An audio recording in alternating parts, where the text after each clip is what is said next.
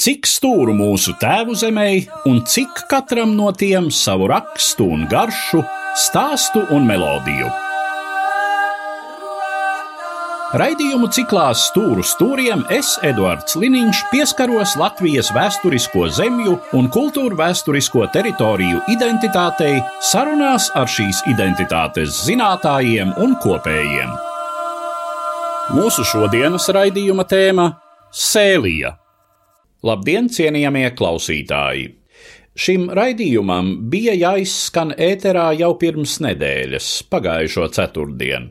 Taču agra rīta stunda atnesa ziņas par Krievijas okupantu iebrukumu Ukrainā, un Latvijas radio mainīja savu programmu.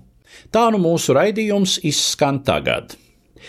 Sarunā par Sēlijas vēsturiskās zemes identitāti piedalās biedrības upmales mantinieki vadītāja Lidija Ozoliņa, biedrības Sēļu klubs dalībniece Ilma Svilāne, Jaunjelgavas gleznošanas studijas vadītāja un kultūras veicināšanas biedrības locekle Rasmarina Kēviča, kultūras veicināšanas biedrības pārstāve Vaira Lēniece un biedrību ērberģietes un sēļu klubs pārstāve Žanna Miezīte. Kā vairumam mūsu Latvijas vēsturisko zemju saistīts ar vienu šo pirmtautu cilti, kas sevi gan laikam nav dēvējuši par sēļiem. Tas ir lībiešu dots apzīmējums, kas tad ir kronikās nostiprinājies, bet šis cilvēku kopums, kā zināms, parādās šajā teritorijā un arī Daugavas labajā krastā. Aiviekstas baseinā jau mūsu ēras pirmajos gadsimtos. Tieši tā.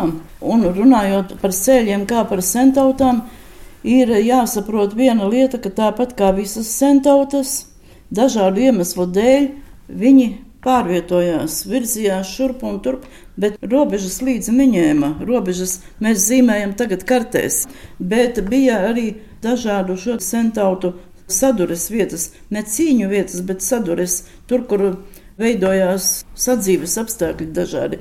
Sēlija patiesībā, kad paskatās senajās kartēs, ir salu zeme. Un sēļus tikpat labi varētu saukt par saliniekiem. Mēs dzīvojam Sēlijas valmī, kurš pie Taurkalnes aiz ērberģis pāriet zemgales līdzenumā. Un sēlija nekad nav bijusi ērta vieta, tāda tā kā tāla, tā kā nevar centru izveidot. Bet uh, pirmais, kas sēļiem pateica, ka viņi ir sēļi, manuprāt, to neviens tā arī nevar pateikt. Senajos laikos, viduslaikos, jaunajos laikos. Viņi vienkārši pēc arheoloģiskiem pētījumiem spriežot, dzīvojuši šeit lielajos mežos, pie ezeriem, savos pilskalnos un diezgan mierīgi bijuši. Bet tāpat viņiem nācās piedzīvot karus, uzbrukumus un visu to, ko visas centautas piedzīvoja. Bet Mikls Skruzītis ir bijis pirmais, kurš viņa laikam atbilstoši ir aprakstījis ceļus, dokumentējis. Ejot uz tā laika, tas ir 19. gadsimta beigas, 1889. gadā, publicēts Mikls Skruzīša darbs Sēļi, kurzemes augšgala senči. Piebilstot par Miklu Skruzīti, tas bija jaunlatviešu laiks. Un, jā, ne tikai sēļi, bet visi gāja kopā uz centautu vienotību vienā tautā, latviešu tautā. Gan latviešu biedrībās darbojās Mikls Skruzītis, gan brauca uz Eiropu pieredzes apmaiņā, gan veidoja izstādi etnogrāfisko nu, vārds sakot, ļoti plaši darbojās, bet viņam bija arī nu, laika biedri tikpat aktīvi. Tikai Mikls Skruzītis par ātri nomira, tāpēc viņš tā kā drusku aizmirsts. Viņš nomira 5. gadā pašā sākumā, un pēc tam nāca revolūcija un visi kari un viss. Un, Un tā. un par laika biedriem runājot, es arī gribētu pieminēt Friedrichu Malberģi, kurš ir arī secē bijis skolotājs, pedagogs un dzinieks. Tad, tad arī viņš ir viens no atmodas tādiem saucējiem ja zemgaļi, zemgaļi, tā kā zemais gals, tad sēļi augstais gals, augšgals. Un arī valoda, arī dialekts augšzemnieku. Tā kā ar savām kāpjošajām intonācijām, ar īpatnējo šauro plato e, nevis Jēkabils, bet Jēkabils. Tad Kruzīšs Mikus ir pirmais aprakstījis savā studiju darbā šo sen cilti. Un viņš tās robežas arī mēģina iezīmēt. Kaut gan pats atzīst, ka to ir grūti izdarīt, jo dažādu laiku, dažādās kartēs, jau tajās senajās kartēs ir robežas ļoti dažādi vilktas. Un vēl saka, divas trešdaļas sēlies esot Lietuvā. Pēc Mikus skruzīša neiznāk tik daudz. Citi vēsturnieki atkal to noliedz, atzīst, ka tomēr tur bija sēļi. Varētu būt, un tāpat Daugavas labajā krastā. Arī skruzīšu miks saka, Daugava bija dabīga šķirtne, bet tajā pašā laikā bija arī labajā krastā. Plus vēl saimnieciskā darbība, kara darbība, kad gūstekņus paņēma, tāpat jauni ļaudis veidoja ģimenes, precējās, un te ir rodas tie sajaukumi, kad grūti noteikt robežas. Runājot par sēļiem, to, kur tad viņi savā laikā ir dzīvojuši, nu to mums rāda joprojām uh, Latvijas dialektu apgabali, un uh, mēs sastopam šīs sēliskās izloksnes gan uh, šobrīd jau vidzemes pusē, vēsturiskajiem laikiem sākoties, acīm redzot, politiski, kultūrāli, no materiālās kultūras viedokļa, tur sēļi jau ir, kā to raksta vēstures grāmatās, pārlatgaliskojušies. Lai gan tas ir tāds, es pieļauju, visai apstrīdams termins. Tas ir novads, kuru pirmās kronikas, Livonijas kronika un atskaņu kronika min kā latgali, Jā, kā latgaļu zemi, bet šie dialekti rāda, ka tomēr iedzīvotāju pamatsastāvs tur aiviekstas basēnā ir palicis. Sēlisks, Se... sēlisks. Jā, nu un par sēļiem vēl runājot, tagad it kā pasludināja sēlijas vēsturisko zemju likumu un sēlijas apgabalu, un ir interesanti, Pagājušajā, aizpagājušajā vasarā turisti brauc, pēkšņi izdzirdējuši vārdu sēlija. Kaut kas jauns, it kā būtu braukuši tukšā vietā, kur neviens nekad nav dzīvojis. Un liels brīnums, ka te ir turisma objekti, te ir veci krogi, te ir zemnieku saimniecības, te notiek ražošana līdz pat Lietuvas pierobežai. Viss notiek. Tad ir acis lielas, mutes vaļā, nebrīnās tie, kas brauc savas senču saknes meklēt šeit. Jā, nu, ja mēs teiksim, latgali minam kā to Latvijas piemirsto bērnu, kad vēl 19. gadsimta otrajā pusē Rīgas latviešiem nebija īsti skaidrs, vai Vitebiskas latvieši ir īsti latvieši, vai tomēr varbūt viņus mēs kaut kā atstājam. Tad eh, par sēliju gandrīz vai jāsaka, nu tas gluži tāds pabērns ir. Jo šis novads, kas kādreiz ir saukts par augšzemi vai augškurzemi, augšzeme tā identitāte patiešām gadsimtu gaitā kaut kā pamazām marginalizējas. Krustakaru laikā vēl vienu brīdi ir sēlījis bīskapija pat, bet tad, eh, tā kā te ir tiešām zemes dalīšana ar Lietuvu, tad šīs zemes pārņem ordenis. Tad pamazām, pamazām nu, tā augšzeme, kā politisks, kā teritoriāls veidojums, absorbējas vispirms Kurzemes zemgales hercogiste, un pēc tam jau tā ir tikai Kurzemes guberņa Krievijas impērijā, un par to augšzemi, par to sēliju var lasīt diezgan maz. Bet eh, atkāpjoties vēl atpakaļ pie seniem laikiem, šī Lietuvas klātbūtne šobrīd Lietuvā sēļu mantojums un viņu klātbūtne tiek apzināta. Pēc vēsturnieku stāstītā tiek. Vienkāršā tauta jau to neredz un nezina. Es tagad mācījos nesen gidu kursos, kur ļoti labi runāja universitātes mācību spēki un stāstīja. Lietuva apzina pamatīgāk gandrīz nekā mēs pētīja. Un vairāk izdevumu ir arī par sēļiem. Mums pietrūkst gan arheoloģisko liecību, gan vēsturisko materiālu. Bet sēļiem, laikam, tomēr cauri gadsimtiem es teiktu, ka tās īpašības Sēlis ir pašpietiekams. Viņš strādā tepat uz vietas, klusi, mierīgi, un viņš nelielās ar savu paveikto, un, un viņš neprēc, ka mēs esam atstāti novārtā. Viņš vienkārši darbojas. Dzīvo, strādā. Un sēļi ir dzīvojuši, saka, sēļu salas. Sēlijas salas tāds arī bija projekts mums izveidots. Sēļi ir dzīvojuši diezgan saurupu dzīvi. Tā kā Lidija saka, tādi pašpietiekami un e, pašlepni, kuriem zināmā mērā ir tāda savas kopienas, savas dzimtas goda nešana, kā mērķis, kā vīzija bet eh, tajā pašā laikā diezgan saurupi. Jā. Un attiecībā uz Lietuvu robežas jau novilka, kad dibināja Latviju. Bet uh, bija Lietuvas, Polijas lielvalsts, bija Lietuvas vilkunigaitie, bija arī Vācu ordeņa zemes. Tās robežas nepastāvēja. Man, piemēram, es esmu iedzimta šeit, nezinu cik paudzēs. Daudz ir arī dzimuši tagadējā Lietuvas pusē, un ir izteikti tās nu, sēliskās būšanas. Jā, tur Lietuvā, protams, arī valodā cik zināms, ir pamanāmas sēliskās īpatnības, arī tās pašas kāpjošas krītošās intonācijas, esot turienes lietuviešu valodā. Es gribu to uzsvērt kā arī identitātes zīmi. Teiksim, daļā sēlijas nav šis sēlijas valnis, bet uz ilūkstas pusi atkal ir viļņains, augurains šis reliefs. Un tas ļoti raksturīgi vismaz sākot no Neretas līdz pat Ilūgstai un Baltkrievijai. Šis viļņainais eh, reliefs, kuros ir pilskalni. Un pilskalni ir realitāte. Tas nav izdomājums, tā nav teika, tas nav no veseļa norakstītas teikas vai vēl tas Tomas skaisti apraksti, skaistie dzējoļi par sēlijas pilskalniem. Bet tā ir realitāte. Tas ir eh, dabā pārbaudīts, personīgi pārbaudīts, kad mēs biedrība braucām pa sēlijas pilskalni kalniem. Un uh, visu dienu mēs no viena pilskalna pārbraucām uz otru, sākot ar Kņāvu pilskalnu, līdz pat Elkšņa pilskalnam Lietuvā. Esam aizbraukuši un apceļojām. Un dienas beigās mēs nemaz nebijām piekusuši. Es gāju mājās, es biju piedziet, jā, enerģētiski uzlādēts, jo pilskalni ir īpašas vietas. Par to ļoti arī citi runā, gan ilūgstes pusē, ka šie auguri ir īpašas vietas, jo to sēļi zināja. Un sēļi vēl arī piebilstot par to, kā tie ir veidojušies, kāpēc mēs par viņiem ļoti maz zinām par šiem senajiem sēļiem, ka vienkārši sēļi šeit ir pirmie ienākuši šeit šajās zemēs daudz agrāk, un tagad pat uzskata, ka pirms mūsu ēras.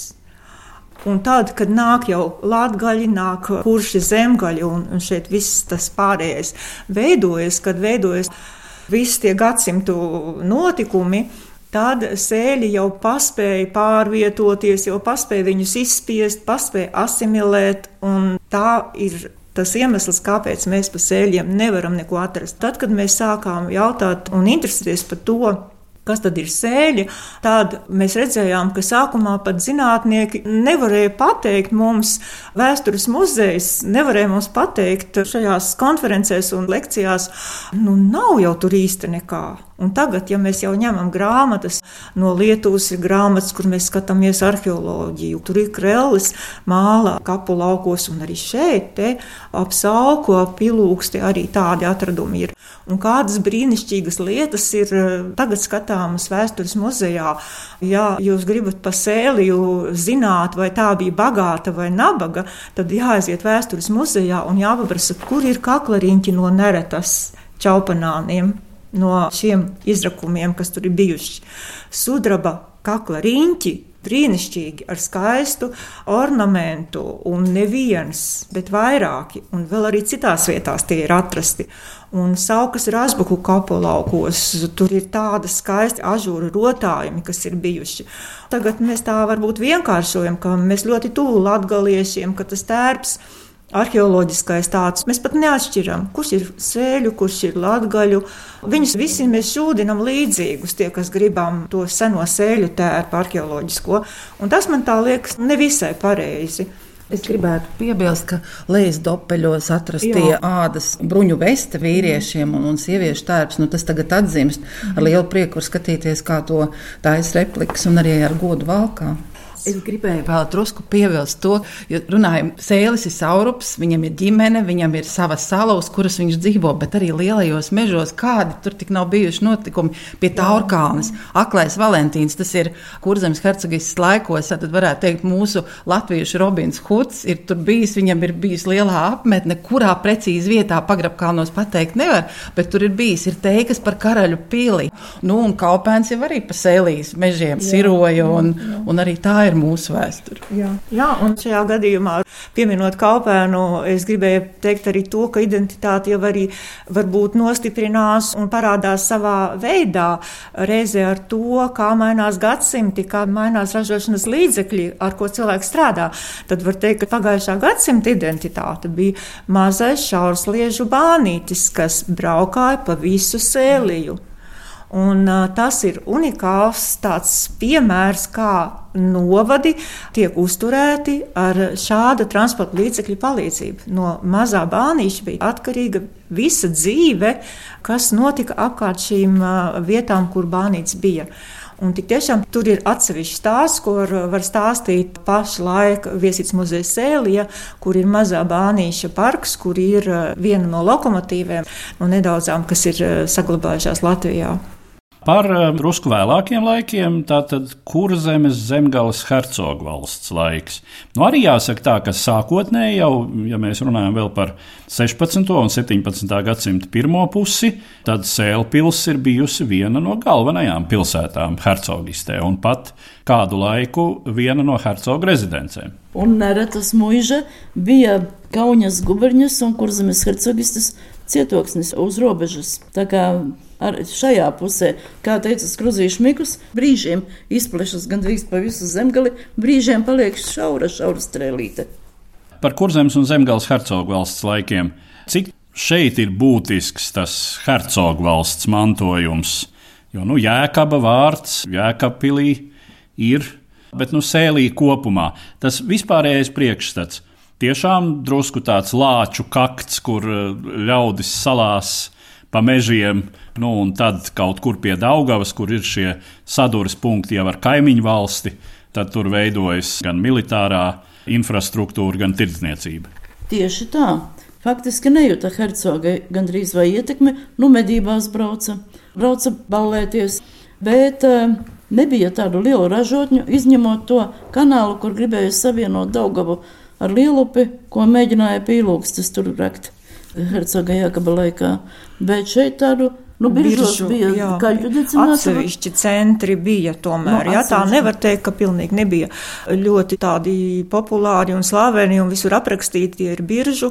Šis centrs ar dažādām ražotnēm, kur pat uh, lielgabalus un lodes un stiklu un, un ko tik netur ražoja ķēdes un enkuru skercogam, tā kā ir tādi tiešām ražošanas centri un koku pludināšana pa lielupi prom, kur uh, arī šo kanālu, jā, kur gribēja arī, arī susēja jā, pat mazās upītes, kur eh, pie tās lielzāles mūžas mazā zālvītes upīte bijusi pludināms kanāls.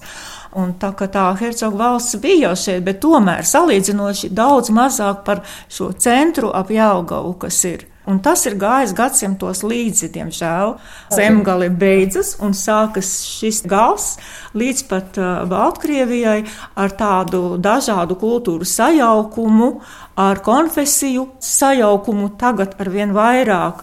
Un to ļoti jūt, ka ir ģimenēs dažādu tautību ienākšana, ka mēs neviens nevaram pateikt, vai mēs esam sēlis vai neesam sēlis. Tāpēc ir divi jēdzieni - ir sēlis un sēlieši. Tāpat kā ir zemgaļi un zemgalieši. Šis vārds ienāca ar Zinātņu akadēmiju, ka jūs esat sēlieši. Tomēr e, valodnieki arī grib parādīt, ka viņi var kaut ko izdomāt, izgudrot. Man kaut kā griež ausīs tas vārds sēlietis. Es nepiekāpjos. Par hercogistes laika norietu es gribu teikt, kā sēlīs vienu tādu īpašu lietu, tā ir stenderu dzimta, par ko noteikti būtu jāstāst atsevišķi. Un šeit visur ir, sākot no lasiem, kur vecais tenders ir dzimis, ka septiņās paudzēs ir šeit dzīvojuši pa sēliju, augšzemi toreiz varētu teikt tā pareizāk. Šeit ir dzīvojuši stenderi. Un tas ļoti interesanti, ka šis vārds ir tā iegājies, ka daudz kur viņš ir biezākā slānī un citur mazāk, bet vecais tenders tas ir tas, kas ienes apgaismības idejas, kurzemes zemgāles hercogistes jau norieta laikā, bet viņam ir tik liela nozīme gan izglītībā, gan ar savu augstas gudrības grāmatu, gan ar visām vārnīcām, gan bildu ābici Un to mēs esam šodien apzinājuši un sapratuši. Un tāpēc Sunākstē, kur vecais stenders ir dzīvojis sava mūža pēdējos 30 gadus, Nekur nebraucis uz lieliem centriem, uz lielām pilsētām. Pabijis, jā, Jālgavā, pabijis Vācijā. Cerēdams būt arī Pēterburgā, Zinātņu akadēmijā, tur spīdēt ar savām zināšanām. Kopenhāgenā dzīvojis. Kopenhāgenā dzīvojis, jā, un dēls mācījies Vācijā un atbraucis šeit. Un Tur, kur mēs tagad ar sēļu klubu mēģinām atdzīvināt šo mūžu, tur viņš ir kalpojis jaunais tenders, jau kalpojis četrus gadus. Tāpēc mums ir interesanti šīs dzimtas nozīme tieši šī reģiona sēlīs gara gaismas saglabāšanā. Un tāpēc sēlijā būs jauns objekts, gaismas vārti, kas būs pie Sunākstas baznīcas. Sunākstes mācītāju mūžas teritorijā. Un pašlaik tiek plānots šis objekts un tiek strādāts pie tā saistībā ar Stradiņu dzimtu, jo Tad, kad bija akadēmiķis Jānis Stradiņš, kas mums ir šīs idejas nesējis no pašiem pirmsākumiem Sēlijā, Tad arī eh, viņš ļoti uzsver to, ka stenderu dzimta četrās paudzēs un stradiņu dzimta turpat vien bijuši. Tajā pašā draudzē ir bijuši stradiņi, kur stenderi četrās paudzēs ir darbojušies. Bet arī zemnieku sētas no 16. gadsimta līdz mūsu dienām sensētas, kas saglabājušās, ir citādi organizētas nekā citos novados. Rija un Pirts ir tālāk no saimniecības sēkām, lai no uguns pasargātu. Plašs pagalms, sēta nav ietverta ar žogu, bet stāda kokus ne tikai skaistumam, bet arī lietderībai, liepas lūkiem, ozolēnai un nākotnē vietas koki, arī lasdas kā pārtikas koks, lokiem un, un darbarīkiem un tā. Ja mēs iezīmējam to ainu sēlijā 20. gadsimta sākumā, tad eh, kas būtu tas nozīmīgākais, ko mēs par to varētu teikt? Pirmkārt, jau prātā nāk tūlīt eh, šie revolucionārie notikumi, kur Sēlpils ir tas arī viens no svarīgiem centriem, kas ietekmē visus tālākos procesus un saistās ar Raini, jo ļoti interesanti, ka mums gandrīz katrā tādā pilsētiņā vai ciematā ir Raņa iela. Un šīs idejas visur ir bijušas, un otrs tāds piemērs ir Jūlijas Dievkociņš, kas šeit ir kā skolotājs strādājis Zalvē, dzēnieks, pirmais bērnu literatūras ieviesējs un popularizētājs savā īsajā mūžā. Viņš izdara tik daudz, ka vienkārši revolūcijas laiks pārrauj šo dzīvi. Un uh, 1906. gadā viņš jau ir miris. Ja viņš būtu tālāk dzīvojis, tad ļoti daudz būtu arī izdarījis ar šīm savām jaunajām idejām, kā veidosim jauno tēviju. Tas ir tas gadsimta sākums, 20. gadsimts par Latvijas neatkarības karu. Sēlija ir viena no tām Latvijas daļām, kura atbrīvojas pati, kur nav ne vācu landesfēra palīdzība atbrīvojoties no lieliniekiem, pēc tam šeit pat vietējo pamatā izveidotas vienības noturas pret Bermonta mēģinājumiem te pietuvoties Daugavai. Tā kā nu, arī tāds fakts, tātad šīs tās augtās zaļās armijas, tās, protams, ir eh, salīdzinoši skaitliski nelielas vienības, bet vietējie ņem rokās ieročus un iztīra no visiem Latvijai naidīgiem spēkiem šo novadu. Runājot par eh, pirmo Latvijas neatkarības periodu, kāds tas ir sēlijai? Man jau gribētos sacīt, ka tas ir um, sēlijai diezgan tāds ražīgs manā uztverē arī saimnieciski. Neretā ir dzirnavas, neretā ir ļoti daudz veikaliņu, neretā ir kokzāģēta vārdas pārstrādā. Pats par sevi stacija daudz ko nosaka. Dzelzceļš. Sēlijai tie dzelzceļi mazie ļoti liels pienesums bija. Vāciešu atnests pienesums. Pirmā pasaules kara laikā uzbūvēta. Par to iedzīvotāju sastāvu, kāds tas šeit ir bijis tas ķīlis, kas iespiežas starp Daugavu un Lietuvas robežu, un tepat ir Lietuva, un tepat netālu ir Daugaupils kā liels centrs, tad Jelgava rietumpusē. Kāds veidojās e, iedzīvotāju sastāvs apmēram uz 20. gadsimta sākumu? Pamatā ir latvieši, otra lielākā grupa, manuprāt, bija lietuvieši, tad ir ebreji, poļi, Pa kādam krievu tautības cilvēkam, bet pa kādam. Kādas varbūt ir tās īpatnības, ko šīs tomēr dažādās etniskās grupas ienes? Visi ļoti labi sadzīvo, un visi ir ļoti draudzīgi. Vismaz lasot jaunsudrabiņu un lasot pēc tam jebkuru, ka visi ļoti labi sadzīvo. Viens otram palīdz, pretim nākoši ir un ļoti tādi izpalīdzīgi ļaudis. Vai eh, sēlijai ir raksturīgs kaut kas īpatnējs kulinārijā vai kādās citās sadzīves pieejās? Mums noteikti ir eh, tādi ēdieni, kas ir kartupeļrīvēti, un tad es dzirdu, ka kuģos ir zemgals ēdiens. Tas nozīmē, ka šeit tā Lietuva, un, un kā mēs zinām, Lietuvā ir ļoti populāri šie ēdieni. Cepelīni, jā, zilce, zilce augstā gaļa, jā, vai ne? Jā, jā, nu tas vienkārši nosaukumā varbūt citur. Mūsu pusē zilce ir tikai viena zilce. Ja tas ir no teļa gaļas gatavots, bet, ja cūkas, tad tā ir augstā gaļa. Mums nav cepelīna, mums ir kartupeļu klimpas. Kādu biežu zupu jūs tur vārat? Batviņi. Vasarā batviņus vāram, un uh, tie ir īstenībā biežu lapu zupa. Tad, kad vairs nav gaļas, kad sivēns barojas vēl, tad to, kas ir dārzā, biežu lapa, dille, saldais krējums vai skābais krējums, nu, ja vēl kāds jaunais kartupelis klāt, ko piekost, nevis likt zupā. Nu, es gribēju vēl par tiem kartupeļiem. Pavisam jā, jā. vienkārši sarīvē kartupeļu sāls klāt un karstos taukos uz pannas, kas jā, var būt labāks. Ir, tas, tas ir, ir jā, tieši tā, ļoti, ļoti vienkārši, labāks, barojoši. Un, jā. un tas tāds. ir visur. Man šķiet, ka gan jau citur arī Latvijā, ne jau tikai mums. Un tad jaunpiena sacepums. Un kas var būt vienkāršāks par kuģeli tiešām? Kas var būt vienkāršāks? Sarīvē kartupeli pannā ja ir gaļas gabaliņš pa virsmu. Ja nav, izcep tāpat krējums, ievārījums klāt. Es gribēju vēl teikt, arī, ka es zinu, ir cilvēki, kas joprojām praktizē arī veļu mīlošanu. Joprojām tas ir. Ar to neviens nelielās un nepublicē sociālos tīklos, bet tā tradīcija ir dzīva. Runājot par sēliju, vai mēs šajā novadā redzam kaut kādas teritoriālas atšķirības? Nu, teiksim, tomēr kāda rietumdaļa mazliet savādāk, vispār paskatoties uz atsevišķām daļām. Jā, noteikti, noteikti. Pirmkārt, jau kaut vai to pašu etnogrāfiju skatoties un kaut vai tautas tērpu. Uh, Tad, eh, ja paskatāmies tā kartē, tad eh, pašā vidū ir viesīte. Un to ļoti jūt kā tādu centru šajā ziņā, kur uz vienu pusi, uz zemgals pusi, ir vairāk zemgaliskais un vairāk uz ilūgstas pusi, tad tur nu ienāk tās no ļoti senākiem slāņiem, kas tur ir saglabājies, teiksim, kaut vai tautas tērpu bruņķi ar batikoto dzītiņu iekšā, kas ir tikai šeit un nekur citur. Jā, Bebrenes lāsumainais bruncis, tas ir ārkārtīgi ārkārtīgi īpatnējs. Tieši sēlija ļoti, ļoti raksturīgs un ir īpaša metode, kā to var krāsot.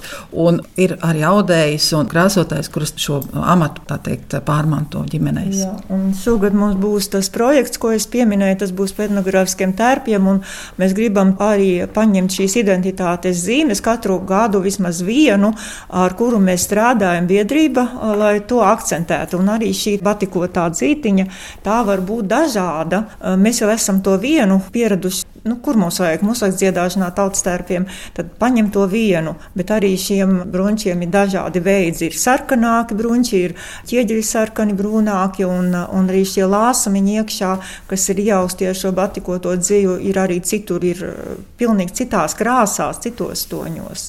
Tā arī mums saka, citreiz arī no Latgales cilvēki saka, nu, jūs tur sēļi, kāpēc jūs sevi neparādiet, jūs vairāk sakiet, mēs, mēs sēļi, mēs sēļi, un popularizējat vairāk sevi. Jūs tādi klusi, tādi mierīgi tur esat. Varbūt tā ir arī tā identitāte, ka mēs neesam iemācījušies dižoties. Tas ļoti man patīk, jauns vārds, kas ir ienācis. Agrāk tā neteica lielīties, tas nebūtu labi. Bet dižoties, mums ir jāmācās dižoties. Līdz ar to izskan mana saruna, kas bija veltīta Sēlijas vēsturiskās zemes identitātei.